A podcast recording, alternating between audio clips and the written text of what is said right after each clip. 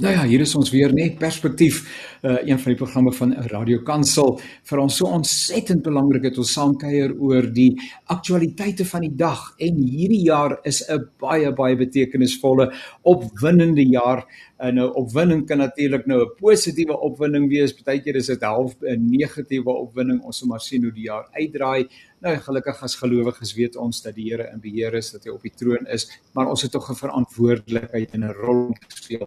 Nou ons almal eh, loop en luister met ons oor naby aan nuusuitsendings en al die dinge wat uh, wat plaasvind, maar baie keer uh, sukkel mense om dit te interpreteer of baie keer het jy net 'n ander perspektief nodig op die narratief wat op die oomblik aan die uitspeel is. En dis hoekom ons hierdie program perspektief uh ook op die tafel het ons kuier saam met meningsvormers, ons hoor wat hulle sê en dan kan ons uiteindelik ook miskien nog meer ingeligte besluite maak. So dis binne daardie konteks van binne ek vir jou uitnooi uh, om ingeskakel te bly op hierdie program Perspektief. My naam is Janie Pelser. Uh Woesie is ons tegniese versorger van hierdie program. Baie dankie ook aan hom by voorbaat en uh dit is 'n voorreg om saam te kuier. Onthou uh die programme van Radio Kansel ook hierdie kan jy 'n pot gooi na luister, dit verder verwys en dis meer by www.radiokansel.co.za. Uh jy soek vir perspektief of ons woensdag aktualiteitsprogram naweek aktueel of dan nou liewer ons naweek aktualiteitsprogram nê nee? uh 'n naweek aktueel 'n uh, uh, uh, naweek aktueel. Hier om saam te kuier voordat ek die tema uh op die tafel bring wil ek dan net hoor of dit goed gaan met my kollegas en uh dat hulle dalk net so ietsie oor hulle self uh, sal vertel uh, ter wille van ons luisteraar en die konteks waarbinne hulle hulle self tans bevind. So ek begin by professor Theo Venter. Ons kuier gereeld saam hy's politieke ontleder uh College vir Besigheid Ekonomie by die Universiteit van Johannesburg onder andere. Uh prof Theo, baie baie dankie dat ons kan saam kuier. Uh so ietsie oor die eie konteks asseblief. Ja, ek is verbonde as 'n professor in praktyk aan aan aan aan eh, die Universiteit van Johannesburg, maar steeds woonagtig in Potchefstroom waar ek vir omtrent 30 jaar verbonde was aan die Noordwes Universiteit. Ehm um, alhoewel ek nou in uh, afgetree het, uh, hou ek my nog steeds besig met die politiek en ehm um, het ek so oor die laaste 3 dae ehm um, 'n dingetjie geskryf van Trump wat natuurlik net soveel aandag trek oor die wêreld en gistermiddag die derde jaar MBA's naby Parys vir 'n middag vergas oor oor politieke scenario's. Ehm um, so ek hou myself besig en ehm um, ek vind dit 'n baie baie lekker tyd van my lewe. Baie baie dankie dat ons kan saamkuier en ek het juis vanoggend iewers raak gelees of gister uh in hoeveel lande van die wêreld daar in hierdie jaar verkiesings plaasvind. Uh so dit is baie interessant uh om dit ook uh in ag te neem. Dan uh professor Hein Willemse en hy is verbonde aan uh, die departement Afrikaans by die Universiteit van Pretoria. Prof, ons het ook al in die verlede gekuier. Dankie dat u die tyd inruim. So ietsie oor die eie menswees en besig wees. Uh baie dankie Jannie. Uh ek is uh, afgetrede in deesdae. Uh so ek is net so terloops betrokke by die Universiteit van Pretoria. Ek was vir 'n hele aantal jaar daar en deesdae bevind ek my in die Kaap, in Wes-Kaap, in Somerset West. En ehm uh, ja, dit is ook 'n heerlike tyd vir my uh, om afgetrede om afgetrede te wees en jou eie ding te doen tot 'n groot mate. Baie baie dankie en uh so interessant dat u ook dan nou ehm um, moontlik ek vertrou so, maar as ek na toe luister is dit nie noodwendig so nie, eh, 'n uh, bietjie meer tyd op hande het en dis meer. En dan uh uh kollega Jan Bosman en hy's die hoofsekretaris van die van die Afrikaner Bond en dit is lekker om weer saam met jou te kuier Jan. So ietsie oor jou eie besig wees asseblief. Dankie Jannie, ek is nou nie so bevoorreg soos die ander twee gespreksgenote om afgetree te wees nie. Ek uh, ek moet nog werk vir 'n inkomste en vir 'n lewe en ek doen dit vir die laaste paar jaar as hoofsekretaris van die Afrikaner Bond en die Afrikaner Bond is hierdie jaar is 106 jaar oud. Uh en ons hou ons maar deurlopend besig met die politieke gesprek en in staatkundige gesprek en uh soeke na oplossings. Baie dankie, waardeer dit u uh, ook saam kuier. Uh nou in die onlangse verlede, ek dink dit was die 12de Januarie, het uh, ons geagte staatspresident die sogenaamde ehm um, 8 Januarie verklaring uh aan die orde gestel. Die 8 Januarie verklaring op die 12de Januarie uh op die verhoog gebring daarin by die Mbombela stadion ehm um, waar die ANC uh, ondersteuners in groot getal bymekaar getrek het uh te midde van 'n heerlike feestelike atmosfeer. Ehm um, en uh, ons gaan bietjie onder andere daarna verwys en daaroor gesels. Ek wil sommer net sê as ek nou weer luister of nie weer luister nie, maar as ek nou luister na meneer Ramaphosa se voordrag kollegas, dan wonder ek hoe die man homself hoor. 'n Mensdom dis dan vir jou bedrywig in so 'n stadion. Uh daar is dan vir jou 'n skare mense en ek verbaas my dat hulle hom hoegenaamd ook dat hulle hom hoor en tog op die regte plekke hande klap en juig want dit is vir jou 'n gedruis uh van uh, van van 'n ander aard. En uh, op die opname wat ek luister agterna is daar ander stemme wat bykans so hard soos hy uh oor die mikrofoon lek uh, jy moet mooi luister om te hoor wat hy sê so dis 'n interessante omgewing waarbinne uh so 'n 'n persoon 'n politikus veral dan nou vanuit die geleedere van die ANC en hierdie massas mense wat uh, opdag waarbinne 'n boodskap oorgedra moet word. Uh die Januarie 8 verklaring, dalk het jy ook 'n opmerking in die verband, maar daarmee saam ook nou die die sogenaamde Januarie 8 verklaring. Uh wat is dit? Waarom is dit belangrik asseblief? En ek gaan sommer vra dat Prof Theo begin en dat die res van u dan nou net asseblief inspring en dan swem ons saam asseblief. Dankie Jannie. Ja, ehm um, dit is uh dis belangrik dat iets soos die Afrikaans al 106 jaar oud is. Ehm um, die ANC se vorming was in dieselfde tydsgewrig so bietjie vroeër. Uh hy is 112 jaar oud ehm um, hierdie jaar en hulle het 'n tradisie ontwikkel om dan by die sogenaamde verjaarsdag van die ANC hierdie verklaring te maak. Uh dit is die 8ste Januarie, maar uh dit lyk vir my hulle is buigsaam, hulle kies die eerste of die naaste naweek daaraan. Ehm um, en dit is wat ons nou kry. Nou ehm um, eers miskien net oor die ouderdom. Ehm um, dit is min dat 'n organisasie 'n burgerlike organisasie 100 jaar oud word. Ehm um, ons het al 'n bietjie navorsing gedoen daaroor dat ehm um, ons vind in besigheid veral toe ek nou by die MBA's was. Die gemiddelde leeftyd van 'n maatskappy ehm um, is omtrent 30 jaar. En uh, as hy dit maak, word hy ouer, maar die meeste word of opgesluk deur 'n ander maatskappy of of geïnkorporeer by iets anders of hy word gelikwideer. Maar is baie min maatskappye wat 30 jaar oud word.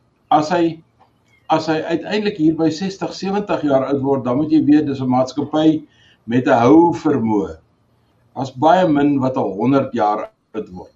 Die oudste maatskappy waarvan ons weet, nou hy bestaan nou nie meer nie, maar hy het hier in omtrent 400 na Christus het hy ontstaan in Japan in 'n konstruksie uh, maatskappy en hy het um, hy het bestaan tot en met voor Covid en Covid het hom ondergekry. So jy kry organisasies wat baie lank lewe.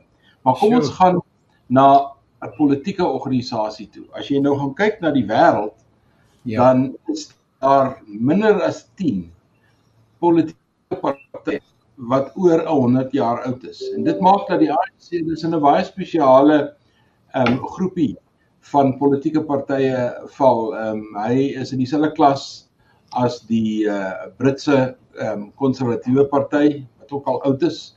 Die Amerikaanse Republikeinse Party is waarskynlik een van die oudste aaneenlopende partye wat ons het. So miskien net um, die punt dat om 100 105 112 jaar oud te word is betekenisvol. Dis ja. nie te sê dat die ANC in daardie tydperk van 112 jaar altyd aktief was of op dieselfde vlak geopereer het waar hy nou is nie, maar dit gee daarom vir hom 'n tradisie en wat hy dan doen met hierdie toespraak wat ehm um, sopas gelewer is, dit gee gewoonlik vir die ANC 'n perspektief van waar hulle vandaan kom en waartoe hulle gaan. En in die verlede was hierdie toesprake altyd 'n bietjie vervelig want dit het vir jou ehm um, eintlik die staatsrede in 'n kort opsomming gegee. Ehm uh, maar hierdie jaar is dit anders. Hierdie jaar het die president baie duidelik met 'n verkiesing in gedagte gepraat oor waar die ANC vandaan kom, wat hy bereik het oor 30 jaar, wat sy uitdagings is en dan veral die ANC aangespreek oor die komende verkiesing en een van daardie goed wat hy gedoen het wat interessant was was om redelik negatief te wees oor die volhoubaarheid van koalisies. Ehm um, ja. en ek kom so sit en luister toe wonder ek nou maar meneer Maposa die koalisie ding is dis deel van 'n nasionale gesprek op die oomblik. Baie mense hou hulle daarmee besig en jy wat nou leier is van die ANC is in werklikheid ook in 'n koalisie met die SAKP en met Kusatu met Senko en wat ook al jy weet hoe moeilik dit is om 'n koalisie te bestuur. Vir wat gaan jy nou op 'n bare ver op 'n op 'n openbare verhoog en jy spreek jouself so negatief uit maar ek lê af en daarmee sal ek eindig.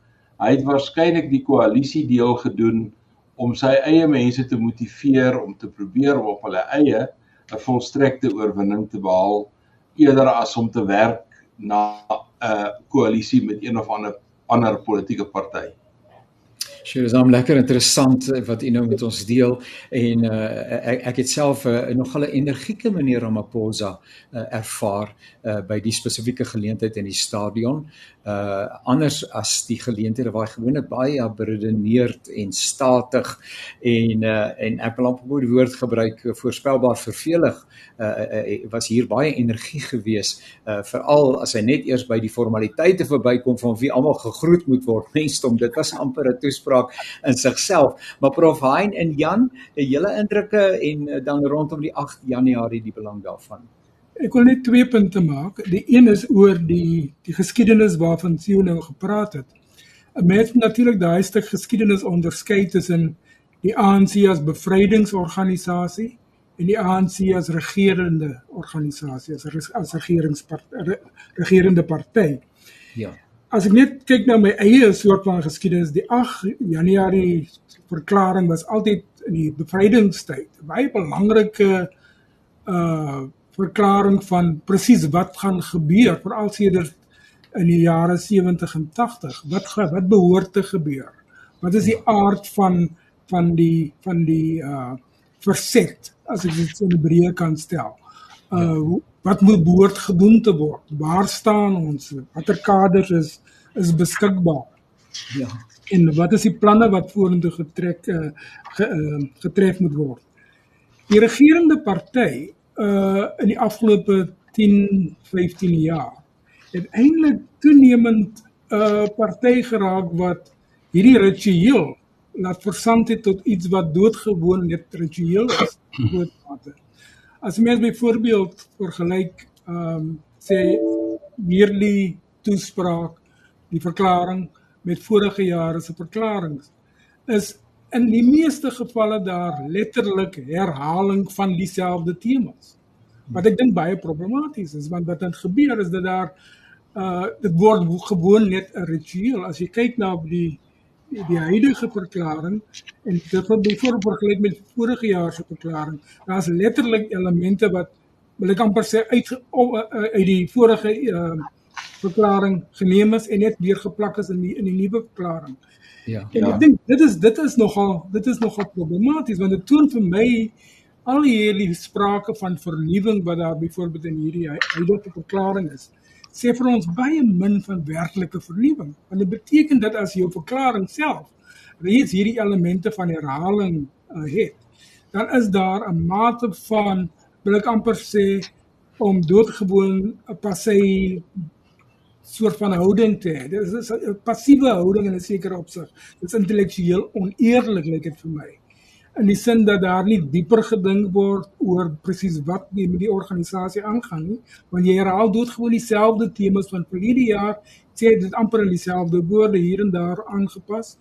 En jy kan net so ver gaan om mense 'n rad voor die oë te draai. So ek het 'n vermoede dat ten spyte van al die energie wat daar uh, op die verhoog was. Die ANC kaders, die mense daar buite 'n 'n 'n toespraak gehoor het wat hulle al reeds gehoor het. is 'n is 'n kwessie van déjà vu. Dit is the same old the same old. En ek dink dit is die ANC se groot probleem ook dat hulle met baie min intellektuele vernuwing kom. En ek dink dit is 'n gesprek wat mense op die lange duur ook sal moet ook sal moet voer.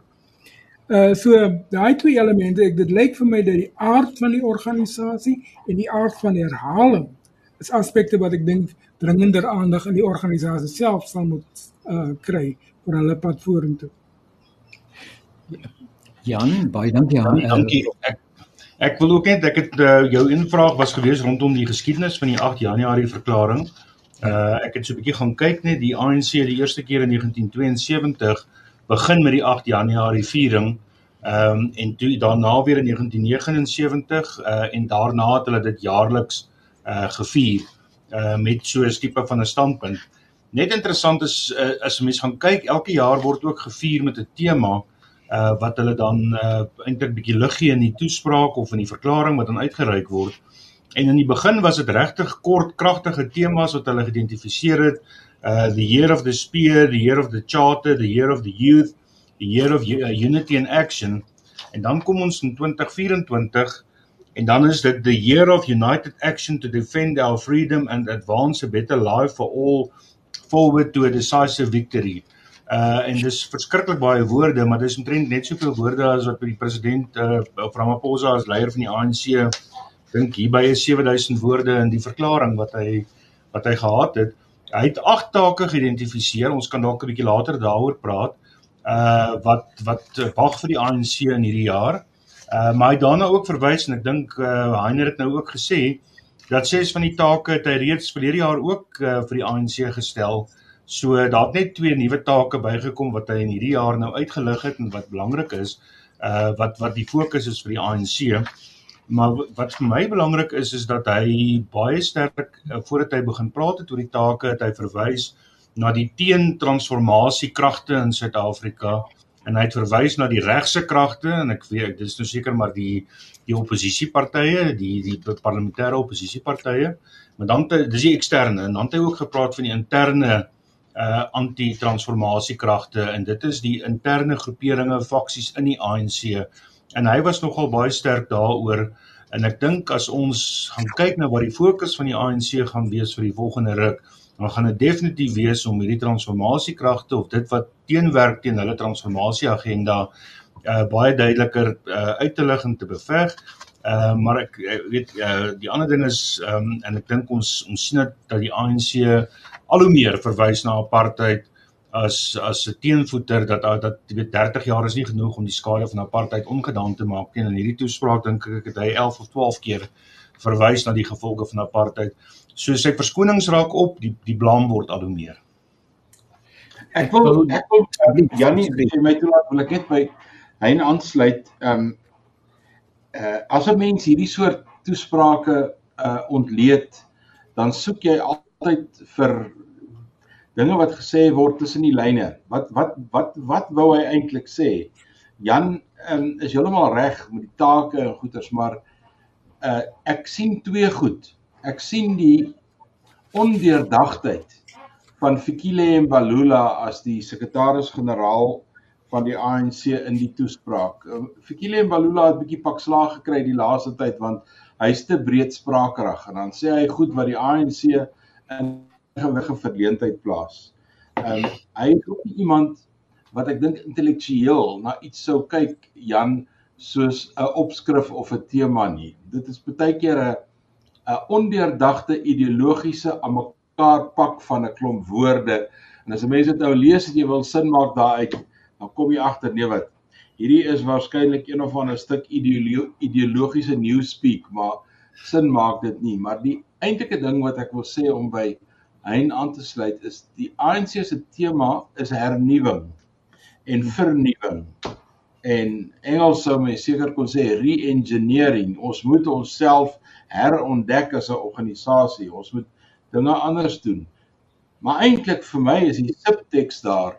Dit was 'n toespraak oor die ANC se oorlewing. Dit was 'n oorlewingstoespraak hierdie. Dit was 'n ANC wat op 'n punt gekom het waar hy baie duidelik moet fokus op sekere dinge en vir my is die heel belangrikste wat 'n politieke party doen as 'n politieke party is hy moet sy partydissipline in plek kry. Hy moet sy organisasie in plek kry. Hy moet sy leierskap en die integriteit van sy leierskap in plek kry. Hy moet die opleiding en die skep van nuwe leiers want dis tog wat 'n politieke party doen. 'n Politieke party is eintlik 'n leierskapsmasjien. Jy moet jy moet eintlik nou al wanneer ouens hier in hulle 20s en hulle 30s is, moet jy hulle identifiseer sodat jy hulle kan kweek sodat hulle uiteindelik volgens die ANC kan jy eintlik eers 'n leier word as jy ouer as 60 is. Hulle hou niks van jong dinamiese leiers nie. So ek weet nie hoe hanteer hulle president Macron as hy kom kuier of wat doen hulle met 'n paar ander jong ouens wat uh, wat in die politiek regtig die premier van Kanada of ons eie Julius Malema. Dit is in ANC terme um, word jy 'n volwasse leier dan, maar my punt is eintlik hier die ANC se toespraak staan eintlik in die teken van 'n baie 'n party wat soek na 'n oorlewingsmeganisme en hy noem dit hernuwing. Ja, is dit uh, my as 'n mens geluister het en as mens luister, ehm um, en jy daarna verwys uh dat ehm um, 'n stukkie armoede word eintlik uh, tentoongestel. Uh as 'n mens niks het om te bied nie, dan gryp jy na strooihalms en jy verwyd ander uh onder andere apartheid wat 'n sentrale tema was en wat gedurig deur voorgekom het. Nou dit mag so wees dat soos in iewers in artikel 342 jaar van kolonialisme en dis meer maar uh, maar iewers moet 'n ou daarom ek het myself gedink as ek nou groot geword het in 'n huis waarin dinge nou nie mooi geloop het nie, dan kan ek dalk vir die eerste jaar of 3 van my mens wees en wanneer ek tot my verstand kom, kan ek daarna verwys, maar iewers moet ek nou groot word en ek kan nie almekaar my gebrek aan vaardigheid of wat ook al terugvoer altyd weer na die feit dat ek 'n ongelukkige kinderlewe gehad het nie.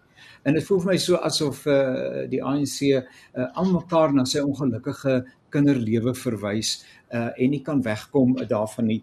Ehm um, uh, dieselfde met die sogenaamde anti-transformatie transformasie magte wat met woorde soos Mickey Mouse en Donald Duck en uh, en en bubblegum uh, en uh, met ander uh, terme beskrywe is ehm um, baie interessant uh, en dis meer ehm um, uh, so, en dan meneer Zuma wat nou net nie by die naam genoem is nie maar ehm um, uh, is daar nie 'n groot stuk armoede wat op die oomblik uh, gedemonstreer word in die uh, in die in, in die ANC se oorlewingsstryd nie kan kan ek die twee probeer kombineer want ek dink ook dat mens moet die Januarie 8 verklaring ook sien as die ANC se agenda vir die regering en die regering se uh, die staatsrede wat dan gelewer word 'n bietjie later elke jaar.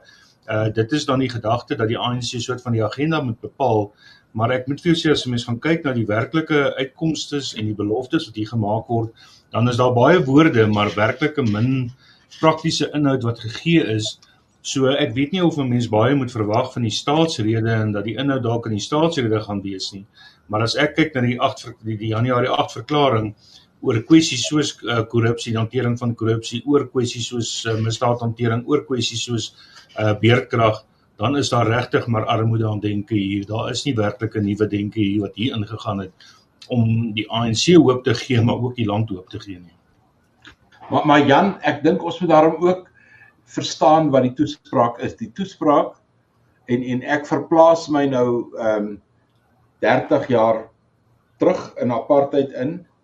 Ek het so een of twee van hierdie groot byeenkomste destyds van die nasionale party as 'n waarnemer bygewoon en wat ek daar gesien het was leiers soos PW Botha en tot 'n mate EW de Klerk ook maar minder so wat die mense toespreek asof die nasionale party uh op sy eie planeet woon.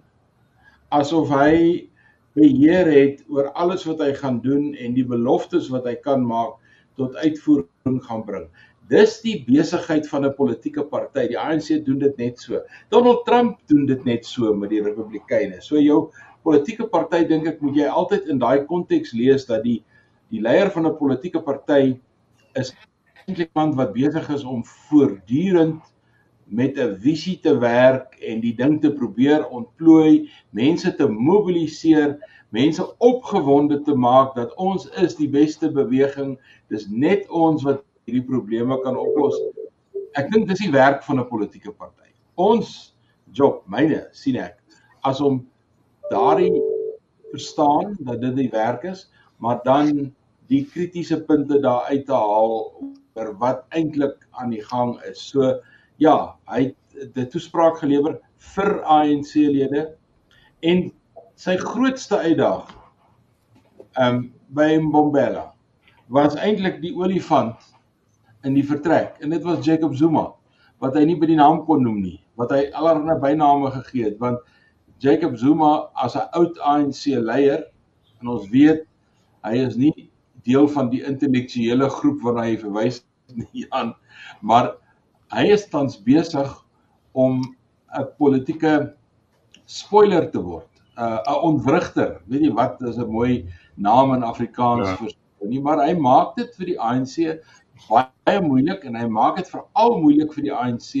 in KwaZulu-Natal waar uh, dis een van die provinsies met die grootste ANC ondersteuningstaal in die land. Um, en dit is eintlik dink ek die gesprek wat die ouens onder mekaar het wanneer hulle koffie drink of ietsie sterkers of wat ook al. Dis wat gaan ons aan die ou president doen? Dit was eintlik die issue. Kan kan ek net daar byvoeg? Dit lyk vir my dis juist presies ook waar een van die van die foutlyne lê binne die ANC, naamlik hierdie onvermoë om hulle eie dissipline toe te pas.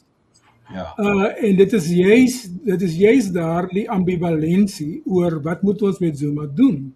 Wat ek dink een van die groot probleme is in die in die ANC, naamlik die onvermoë om van teorie na praktyk te beweeg, vanaf idee na praktyk te beweeg. Ja. Uh en in hierdie geval, in die geval van Zuma, want Zuma Zuma aan die gang is om te doen, is soos tot Theo inderdaad sê, is om 'n spoiler te wees.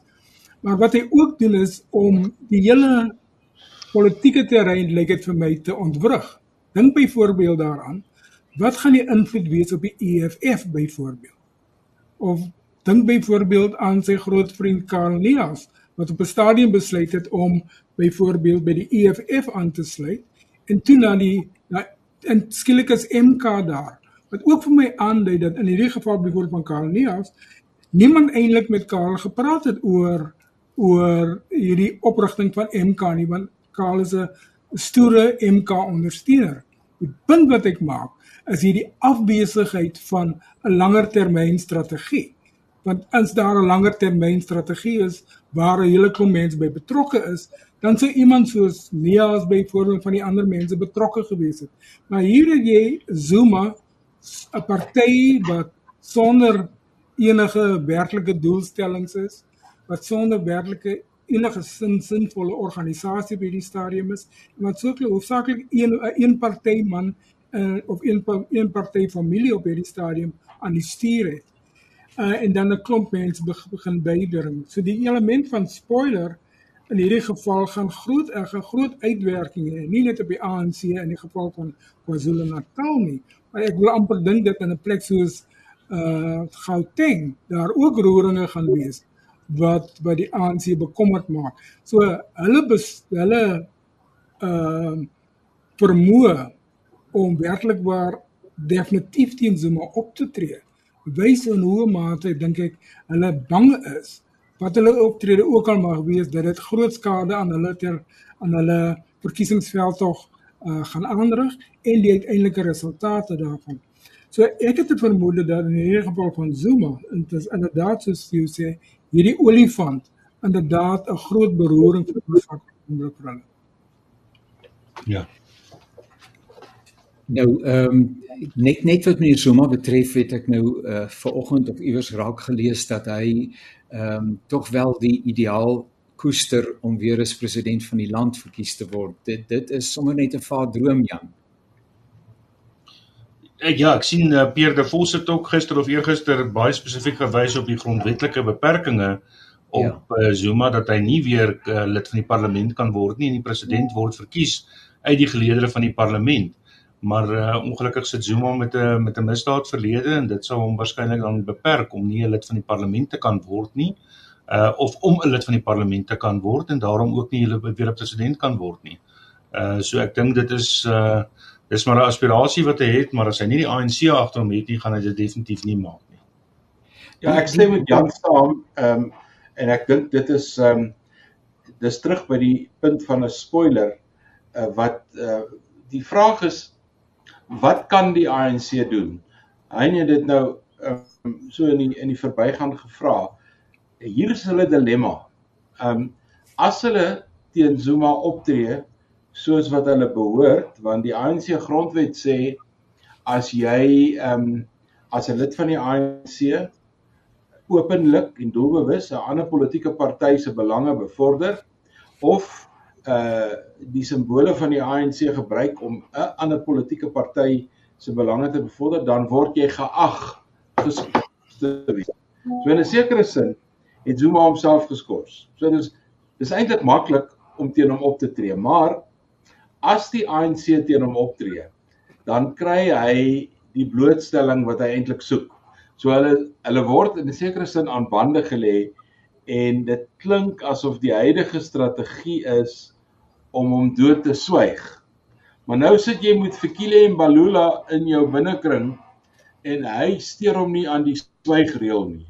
Hy praat wyd en bond sodat by my inligting op die oomblik is die ANC moes in derminne eintlik 'n nuwe strategie ontwikkel wat hulle waarskynlik in die volgende week of 3 gaan implementeer en dit is om die politieke strukture in KwaZulu-Natal te ontbind. Die provinsiale uitvoerende komitee, sogenaamde PEC. En dit te vervang met 'n interim struktuur soos wat ons nou al in hier in Noordwes gesien het, ons het dit in die hmm. Vrystaat gesien en een of twee ander provinsies ook. Wat jy dan tydelik mense in leiersposisies plaas om 'n sekere projek af te handel soos die verkiesing wat kom. Maar jy haal dan die heethoofde uit die uit die stelsel uit en die huidige leierskap in KwaZulu-Natal die verkose leierskap is Zuma baie goed gesind. So een van die maniere om hom stil te swyg of om hom weg te wens is om die uh, mense wat hom eintlik op 'n dag tot dag basis heimlik ondersteun uit die uit die strukture uithaal. Of dit volhoubaar is en of dit gaan werk is natuurlik 'n ander storie maar maar soos hy sê dit wat die ANC moet doen die kan hulle nie op die oomblik doen nie uit vrees vir die gevolge. Kollegas nou nou as ons so gesels en weer 'n keer ons gesels doodgewoon aan dit wat wat wat bekend is en uh, en u uh, analiseer dit en gee 'n bietjie perspektief. Uh ons kom niemand by nie. Uh die bedoeling is om net uh, uh ewewigtig en verantwoord delikte gesels oor wat 'n mens beleef en ek waardeer dit dat u dit doen. Ehm um, vir my voel dit asof daar 'n vakuum is uh binne die politieke landskap. Uh en as iemand nou wakker genoeg is uh, want daar is tog meerdere rolspelers en die verkiesing ek het iewers 'n datum raak gelees ek weet nie of dit net 'n suggestie is nie en of dit nou al 'n uh, vasgemaak is nie maar iets rondom die 18de Mei of iets van daardie aard miskien was dit net 'n dagdromery maar dit kan enige tyd binne die afsienbare tyd kan dit inderdaad plaasvind.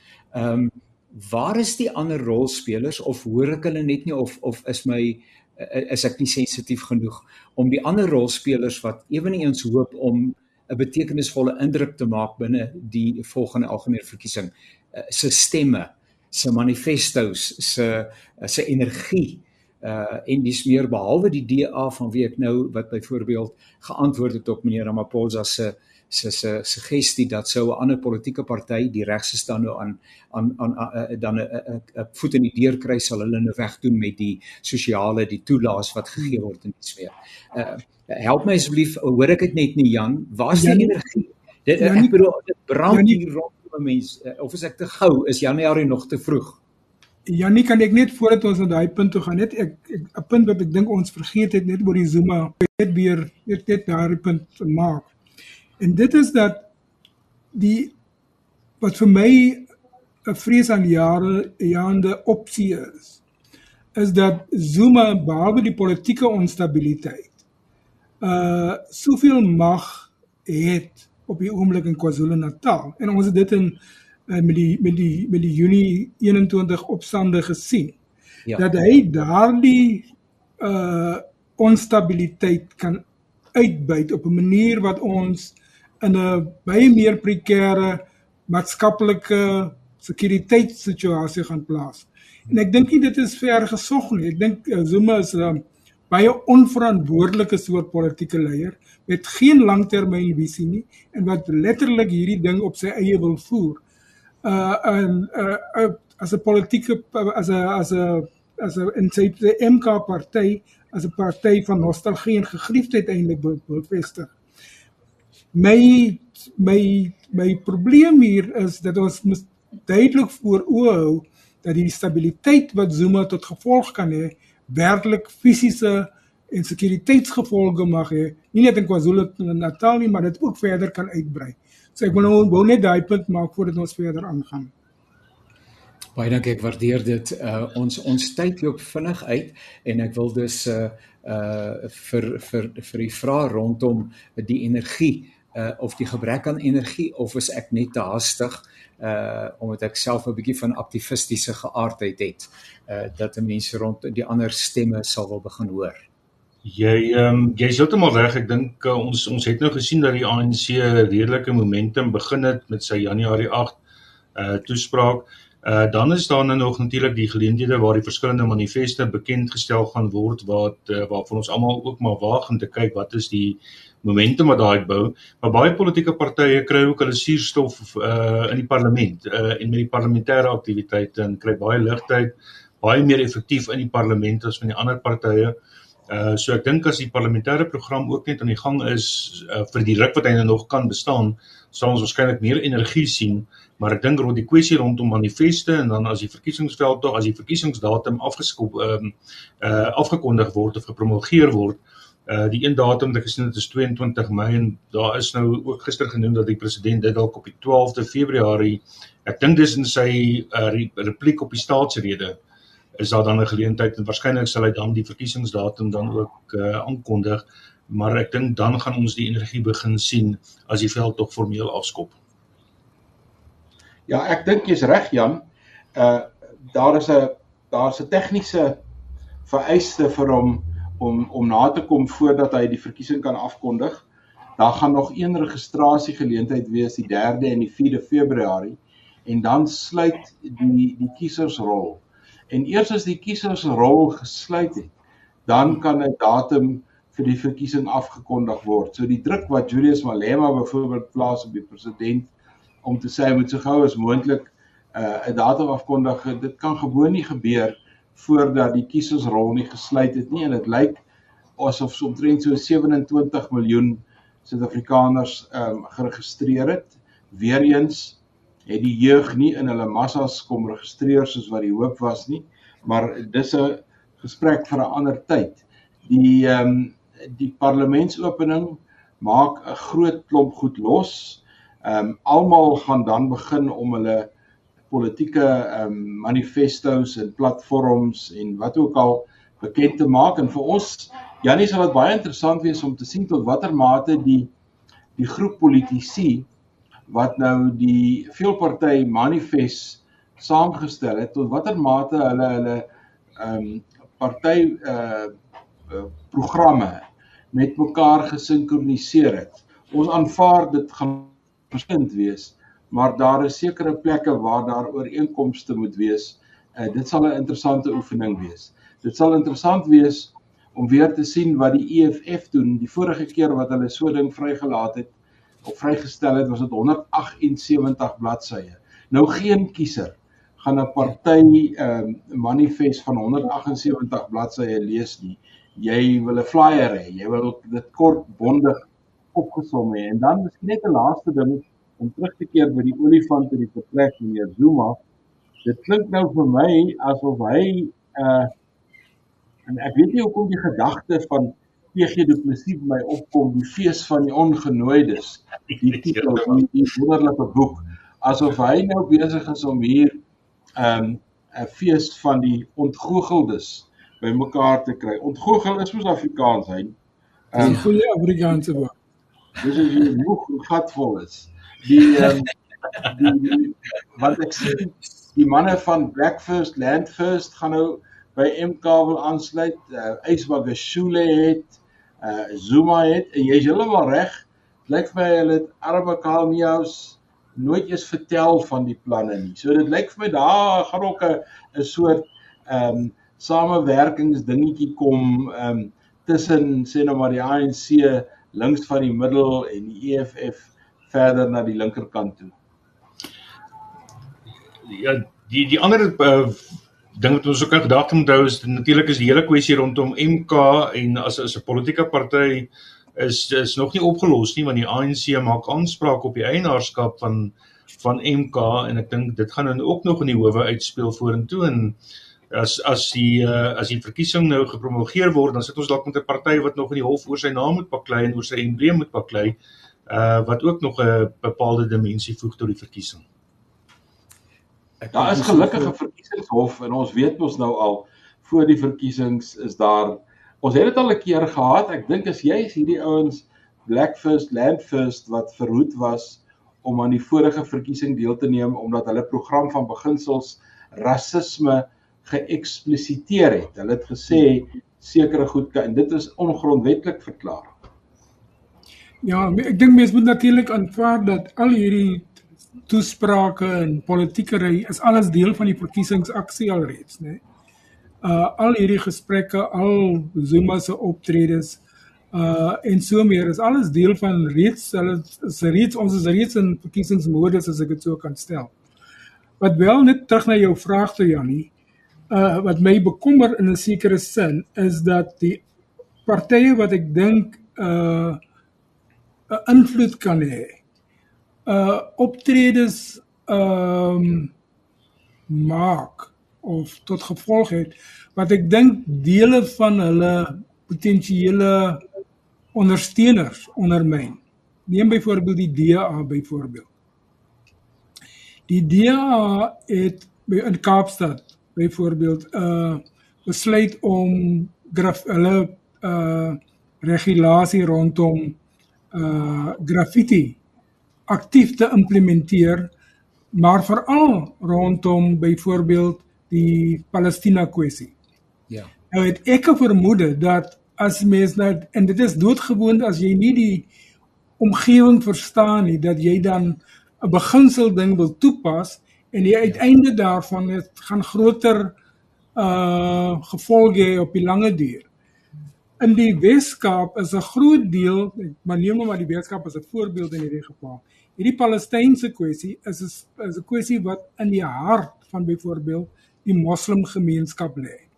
Ja. Wat in terme van die aktivisme rondom Palestynse bevryding in die hart van heelwat ehm uh, Christengemeentes byvoorbeeld en kerkgenootskappe lê. Nou kom die DA en besluit ons gaan ons ehm uh, beleid rondom straat uh graffiti, die gaan ons nou aktief toepas en hulle kry 'n groot aantal uh mense om op te daag by so 'n uh, uh, uh, uh verbery en die gevolg daarvan op die lange duur vir die party is negatief. So iewers as ek nou as uh, politieke strategie sou ek sê hierdie lyk vir my na 'n verkeerde opsie. Uh, in plaas daarvan dat hier 'n uh, aktiewe beleid gevoer word van toleransie en dan toleransie beide kante natuurlik sodat die party nie gesien word as een wat kan kies. Die amptelike beleid van die DA byvoorbeeld in hierdie geval is ons kies nie kant nie.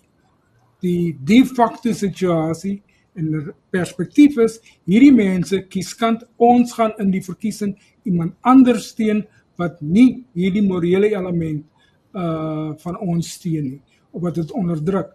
En ek dink dit is dit is iets wat wat 'n mens in gedagte moet hou. Ehm um, sodat die op die lange duur is hierdie soort uh wil ek amper sê uh wan uh inskatting van die situasie het langer termyn gevolge as wat die onmiddellike byvoorbeeld um, onmiddellike optrede byvoorbeeld sou suggereer. En ek dink daar's 'n paar van die ander elemente wat ek dink ook belangrik is. En dit is byvoorbeeld in die geval van Rise Mzansi is doodgewoon uh men in die koerante word heel wat geskryf oor veral in Afrikaanse koerante word heel wat geskryf oor die moontlikhede van Rise Mzansi. Maar vra die gewone burger, wie weet julle wie hierdie ouens is? Niemand het gehoor van Rebounia Circle, stel nie belang daaraan nie. Waar is hierdie ouens? Is iewers daar bo in die lug. En dit dink ek is deel natuurlik is daar die kwessie van befondsing en reklamering en en so meer. Die vraag is hoe effektief is hulle in terme van hulle kommunikasie? Dan 'n derde punt ehm um, net ter opsomming ter ter afsluiting uh die aktiewe optrede van iemand soos Gayton McKenzie byvoorbeeld wat besluit het dat hierdie begin van die jaar is deel van sy verkiesingsveld tog gaan hy probeer om die strome van Zimbabwe te keer by die Limpopo rivier. Wat daarmee gebeur is Gaten the McKenzie en dit is duidelike verkiesingsstrategie natuurlik deel van 'n verkiesingsstrategie kry 'n groot mate van aandag. Vraag is hoe effektief dit is. Dis natuurlik dit kan mense belangrik dier kan mense dit gaan meet. Maar dit is deel die punt wat ek vroeër gemaak het, deel van 'n verkiesingsstrategie in die breë. Kollegas, ek dink daar's alweer 'n nuwe tema. Uh, uh Prof Hein het dit nou op die tafel geplaas en ons moet vorentoe verder daaroor gesels. Uh baie dankie professor Hein Willemse en uh hy is inderdaad het hy gesê in die onlangse verlede is hy afgetrede, uh maar steeds baie baie betrokke en het steeds 'n uh, verhouding met die Universiteit van Pretoria. Uh 'n laaste woord net in 'n sinnetjie van jou kant af toe asseblief. Ja, nee, ek ehm, ek dink dit is 'n baie interessante jaar wat ons ingaan. Veral die eerste helfte van die jaar tot en met die verkiesing en vir die luisteraars wil ek net sê uh as jy 'n veiligheidsgordel daar voor jou TV het, trek hom maar 'n bietjie stywer want ons gaan nog 'n klomp baie interessante uitsprake en interessante idees en plannetjies hoor, maar dit is deel van die politieke geraas wat mens kry voor 'n verkiesing. Nou ja, dit klink vir my ons gaan 'n opwindende jaar hê wat uh, ten minste ons programmering betref en ons saamkuier en dit is die stem van professor Theo Venter en hy's politieke ontleder onder andere. Uh en dan uh, Jan Bosman, uh sekretaris hoofsekretaris van die Afrikaner Bond, 'n laaste woord van jou kant af asseblief. Ja, dankie. Ek wil aansluit by Theo. Ek dink ons moet ons uh, veiligheidsgordels maar vasmaak. Dit gaan 'n woelige jaar wees. Ehm um, die ander kwessie wat ek dalk net wou vinnig net genoem het is dat ons ook nie weet wat die ANC nou wel gaan doen rondom Jacob Zuma en die uitstaande regskulde en of hulle dalk nou met groot eier want daardie eis vir jare einde Mei dink ek en dan met Zuma 32 miljoen betaal het maar die staat het nog nie eers naaste by begin om daai geld in te vorder nie. Uh so dalk dalk het hulle nou nuwe energie om dit wel in te vorder. Kollegas, eh, baie baie dankie eh, professor Theo Venter, eh, Jan Bosman en professor Ryan Willemse vir ons saamkuier. Ek sien uit na ons volgende uh, gespreksgeleentheid. Baie seën vir u. Is nog 'n bietjie aan die begin van die jaar, so ek sê sommer op maar nog een nog een keer 'n uh, baie geseënde 2024 en uh en dan ook baie dankie ook aan uh, Woesie wat vir ons die tegniese versorging van die program behartig het. En onthou jy kan dit by as 'n potgooi gaan soek by www.radiokansel.co.za perspektief. Tot 'n volgende keer alles wat mooi is.